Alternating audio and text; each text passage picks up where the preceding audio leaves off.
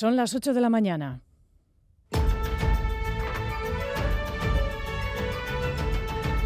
Crónica de Euskadi con Aichiber Bilbao.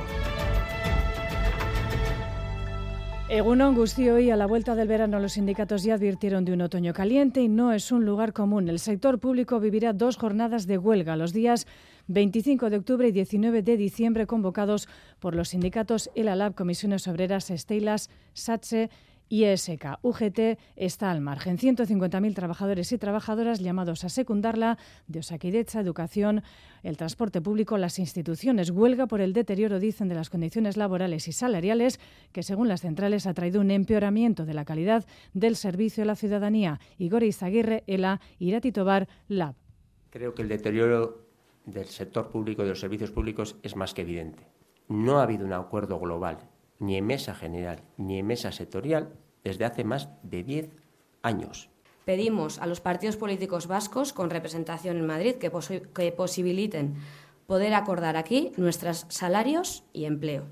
Exigimos asimismo al Gobierno vasco, diputaciones y ayuntamientos que garanticen el poder adquisitivo y consoliden el empleo público hasta reducir la temporalidad al 8%. Un anuncio hecho ayer, 24 horas después de que el Endacari Íñigo Urcullu, sin citar a los sindicatos, criticara la conflictividad que se vive en Euskadi.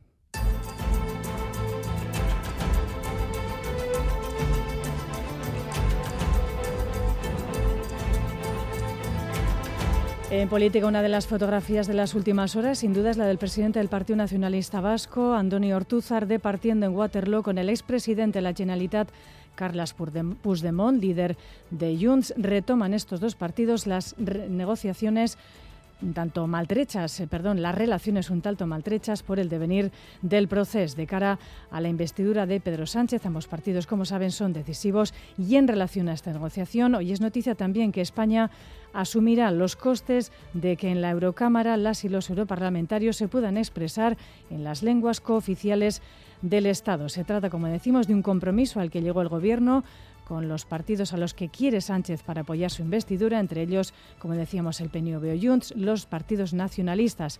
El debate en Europarlamento será el martes y para convencerles a los países escépticos se necesita, como saben, un acuerdo unánime. España pagará la cuenta.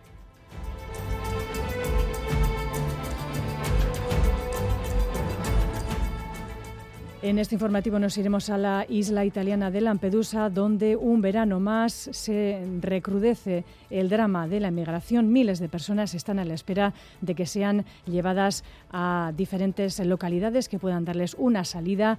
Personas que han llegado en patera desde las eh, costas de Túnez, en, en su mayoría.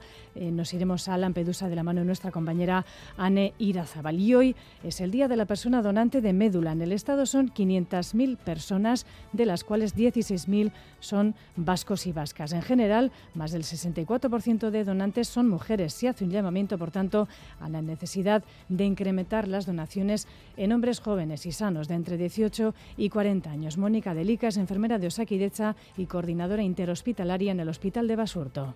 Todas las personas que en este momento están esperando un trasplante, yo les diría que todos los días tienen personas a hacerse donantes, no solo aquí en Euskadi, en todo el mundo. Jamás diría, estate tranquilo, te diría, confía. Y ayer en Página Cultural les contamos que fallecía a los 91 años el escultor y pintor colombiano Fernando Botero, el artista de las figuras y pinturas voluptuosas, el artista más universal de Colombia. El presidente Gustavo Petro ha dicho que fue el pintor de las tradiciones, defectos y virtudes de su nación.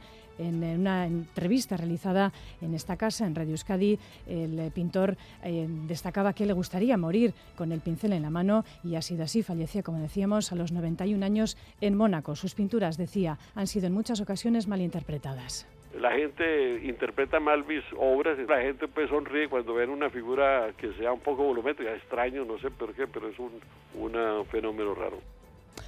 Vamos ahora con los titulares eh, del deporte. Egunon, Egunon volvía a la Liga en Primera División. Al Deportivo Alavés le cuesta sacar puntos fuera de Vitoria. De hecho, ayer perdía en Vallecas 2 a 0 y su casillero sigue a 0 lejos de Gasteiz. Como decimos, abría el marcador Isi Palazón, anotando un penalti que fue muy cuestionado y revisado por el VAR. A las 2 de hoy, el Atlético recibe en Samamés, que cumple 10 años al conjunto del Cádiz. Y en la Liga Femenina hay partidos tras el aplazamiento por huelga de las jugadoras de la primera jornada. A las 12 comienzan el Atlético Atlético y el Leibar Levante Las Planas. En pelota, en el primer festival de San Mateos, este marcador, Ezcurdia Rezusta 22, Jaca Albisu 20. Y este fin de semana tenemos regatas en Bermeo y en Portugalete se disputan además los playoffs masculino y femenino en chicas, Ibaica, Zumaya y Kaiku van a abogar por un puesto en la Euskotren Liga y en chicos hay dos eh, plazas en la Euskotren que se disputarán Santurce, San Pedro, Lapurdiares y Bueu. Es que Recasco llegó y estos titulares serán ampliados a partir de las 8 y 20 de la tarde. En carreteras, normalidad en este momento y buscamos ahora la previsión del tiempo para las próximas horas.